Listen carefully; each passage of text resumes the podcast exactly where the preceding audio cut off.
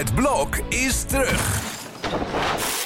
Vier koppels, vier bouwvallen, vier verbouwingen en dus een hele hoop stress. Het blok, iedere werkdag om half negen bij net vijf. Dit is Trick Privé. De dagelijkse showbiz-update met Evert Zandgoeds en Jordi Versteegde. Ja, laat ik dan uh, gelijk maar even toegeven dat ik er gisteren vreselijk naast zat, uh, Evert. Met Kijkcijfers. ja. ja, je was erg optimistisch. Wat zei je, 1,5 miljoen of zo?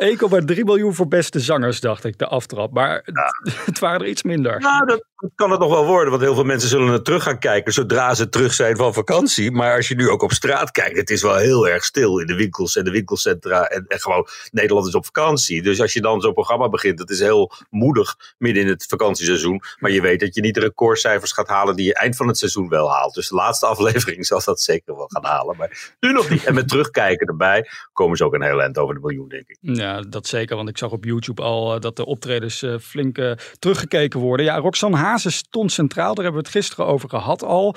ze was ook vrij persoonlijk, hè, daar op die bank. Ja, over trauma's uit haar jeugd. Ja, die zijn er genoeg natuurlijk. Wat ik niet wist is dat zij de moeder het redelijk kwalijk genomen heeft. Dat er zo snel na de dood van de vader al een boek kwam met alle familiegeheimen. Maar ja, dat was de handel van, uh, van Rachel. Die dacht er moet brood op de plank. En uh, dat, dat boek heeft het niet eens zo gedaan hoor. Dat was veel te gedetailleerd en veel te. Maar er komt er nog een aan. Oh, ja. Dus ze kan de borst wat dat betreft nat maken. En ja, de verhouding tussen moeder en dochter is niet al te best op dit moment. En het nieuwe boek zal dat ongetwijfeld niet gaan verbeteren. Als je weet dat ze al zo'n problemen had met het eerste. Hmm. Blijft een triest verhaal eigenlijk, hè? dat dat niet een sterke drie-eenheid is geworden tussen Roxanne Ja, dat is zonde, want zij hebben natuurlijk wel met elkaar dat hazes-DNA en genoeg meegemaakt om te zeggen wij blijven de rest van ons leven bij elkaar. Maar aan de andere kant er is ook zo verschrikkelijk veel gebeurd dat dat uh, niet gelukt is. En ik zie het ook niet 1, 2, 3 goed komen. Er speelt heel veel, ook op zakelijk gebied.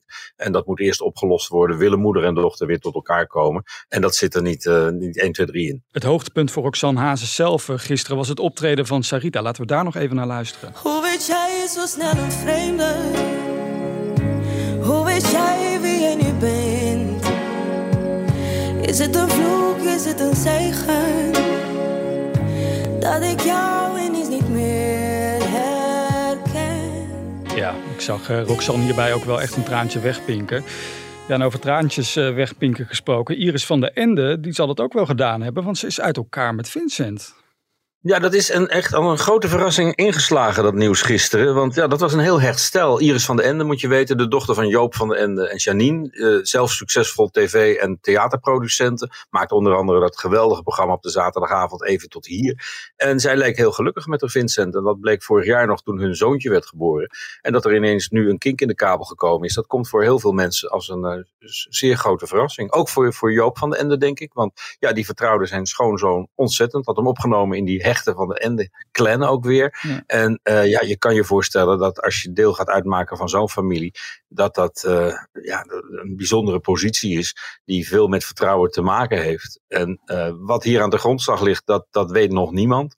En uh, dat zal misschien nog wel duidelijk worden. Maar ze zijn heel terughoudend in hun commentaar. Ze hebben gisteren bekendgemaakt dat ze gaan scheiden. En juist met de geboorte van een kind nog maar een jaar geleden ja. is dat wel een buitengewoon trieste situatie. Ja, na 16 jaar uit elkaar. Dat is, uh, dat is hartstikke verdrietig. Laten we naar uh, iets positiefs gaan. Want ja, we hebben een nieuwe rubriek natuurlijk sinds deze week. En we gaan weer een jarige feliciteren. Ja, Matthijs de Licht is ja. jarig de voetballer. En we hebben het natuurlijk uh, de laatste tijd al wat uh, uitgebreid gehad over zijn uh, vriendin. Hè, die de, ja. de nieuwe Sylvie en, wordt.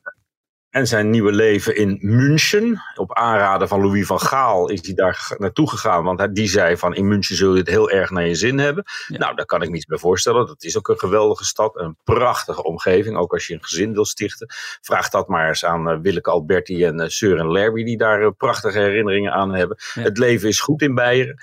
en ik kan me voorstellen dat zij samen daar een geweldige toekomst tegemoet gaan. En ja, als je 23 bent, zeg. De hele wereld ligt voor je open. Dat wordt toch een geweldige tijd. Dus van harte gefeliciteerd daar in, uh, in Bayern. En wij blijven ze volgen.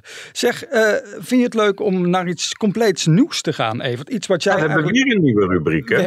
ja, we gaan maar door. De, de redactie is uh, creatief, ook op de vrijdag. En daar hoort ook een nieuwe jingle bij. Even eventjes aan Evert vragen. Dat lijkt me echt een goed plan. Een vraag aan de privéman. Ja, echt. eh, hier zijn we maandenlang al mee bezig. En eh, nu is het zover. En het is ingezongen door onze eigen Hein. En de echte Heintje, die we natuurlijk ook allemaal kennen, die is toevallig vandaag jarig, 67. Dus wat een toeval. Oh allemaal. jeetje, nou, ik bouw die een slot. Ja, Bond zegt. Oh, dat was echt het kindsterretje van de jaren 60. Ik geloof dat hij op zijn achtste of negende doorbrak. Gigantisch succes destijds in Nederland en Duitsland. Dus eh, nou, deze Hein belooft, belooft is ook veel, klinkt ook veelbelovend. Ik zou er mijn stoel wel voor omdraaien. Kijk, nou, hè, ik, zie hem, ik zie hem glunderen. Maar goed, laten we teruggaan naar de, naar de interactie met de luisteraar. Want eh, die staat op, eh, op vrijdag centraal. Jullie kunnen vragen stellen aan Evert. En eh, als het goed is, gaat hij ze allemaal beantwoorden. En ik vond de eerste die binnenkwam toch wel erg interessant. Want ja, we hebben het deze week uitgebreid over de cover van de privé gehad. Hè, met Rutte daarop, zijn vakantiefoto's, in zijn blote bast. En nu is de vraag binnengekomen. Wat zou jij ervan vinden als je stiekem gefotografeerd wordt op vakantie? Ja, daar kan ik moeilijk een punt van maken, lijkt me. Dat, dat, dat zou gebeuren. ik kan je aan de andere kant de moeite besparen, want geplaatst wordt hij niet. Maar eh, ja, nee, daar kun je niet over zeiken in mijn positie. Dus eh, ze worden ook wel eens gemaakt. Ik Oh ja. merk het wel eens. Vorige week over een vliegveld, dan denk ik van, wauw, mevrouw, doe niet zo, vraag dan een foto, doe niet zo ingewikkeld. Zat er helemaal met de camera ondersteboven, alsof ze een, blo- een, pr- een prullenbak zat te fotograferen. Ik denk, nou, vraag het dan. Maar ja, die foto's zie je natuurlijk nooit ergens terug, want ik plaats ze niet. En de andere bladen zullen dat ook niet gauw doen van hun concurrent. Dus de tip is, tik Evert gewoon even aan en dan kun je gewoon eh, een selfie maken. Ehm, de volgende vraag die binnengekomen is, eh, is, gaat eigenlijk over jouw beroep als hoofdredacteur. Is dat nou iets wat jij van jongs af aan al wilde doen? Nou, ik ben er zo, zo jong in gerold dat ik nooit wat van jongs af aan nooit wat anders gedaan heb. Dus eh, ja, dat was wel een leuke wereld, vond ik, waar ik in terecht kwam. En zeker in die tijd, in de jaren, begin jaren tachtig. Ja, als je s'morgens wat las wat er in Amerika aan de hand was, dan zat je smiddags in het vliegtuig er naartoe. Dus dat, dat, ja, dat was echt een, een jongensboek wat open ging en wat ik eh, volop eh, heb, heb, van heb genoten. Ja. En dat was een hele, je kon met iedereen in contact komen. Het, het, je- ja, het was een hele leuk. En nog hoor, het is nog steeds een leuk vak om achter dingen te komen waar je niet achter mag komen. Met mensen te praten die je eh, eigenlijk alleen van een afstandje kent. En eh, ja, ik blijf het ook nog wel even doen als dat je volgende vraag Ja, dat was inderdaad mijn volgende vraag. Maar je had het over inderdaad hè, dat je dan informatie hebt die anderen nog niet weten. En, en de laatste vraag voor deze week aan jou is van een luisteraar. Die zegt van, houd je dan ook wel eens informatie echt achter je? Omdat, omdat je dat gewoon niet netjes vindt om dat te brengen. Bijvoorbeeld als iemand nog niet uit de kast gekomen is. Oh ja, ja, dat zijn van die dingen die gevoelig liggen of ziek zijn of zo. Dat zijn nou net de dingen waar ik wel eens rekening mee hou. En eh, ik heb ook wel eens iemand gebeld die, gaat scheiden, die ging scheiden. Die zei, hoe weet jij dat? De kinderen weten dat nog niet eens. Geef me in ieder geval de tijd om het de kinderen te vertellen. En daar hou je dan wel rekening mee. In ruil voor het exclusieve verhaal. En eh, dat, dat werkt in het algemeen wel, eh, wel goed. Het is, eh, we maken regelmatig afspraken. En iemand uit de kast trekken, dat is inderdaad nat dan. Iemand die daar de tijd voor wil nemen om zelf aan het idee te wennen. Die moet je niet door het, voor het blok zetten door... door hem op de cover te zetten en te gaan vertellen hoe het met zijn liefdeleven zit.